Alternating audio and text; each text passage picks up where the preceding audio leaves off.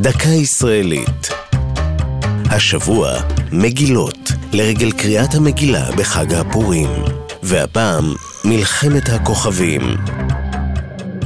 מלחמת בני האור בבני החושך אינה אגדת עם ולא פרק מספר מדע בדיוני.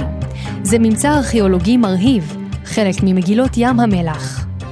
המגילה, המכונה מגילת מלחמת בני אור בבני חושך, ידועה גם בשם מגילת המלחמה. היא התגלתה במערה בקומראן שבאזור ים המלח, והארכיאולוג הפרופסור אליעזר ליפה סוכניק רכש אותה ב-1947 מסוחר בבית לחם. מאוחר יותר השלים בנו, הארכיאולוג והרמטכ"ל לשעבר, הפרופסור יגאל ידין, את עבודת אביו, ופרסם תעתיק מלא עם פירושי המגילה. המגילה כוללת כתבים על אודות מלחמת הכל בכל, בין בני החושך לבני האור, ומציגה עולם שבו הרוע והטוב מוחלטים. בני האור שבה מזוהים עם העם היהודי, ויש הרואים בבני החושך את הרומאים. יש בה תיאורי קרבות, והיא כתובה ברוח מלחמת אחרית הימים בספר יחזקאל.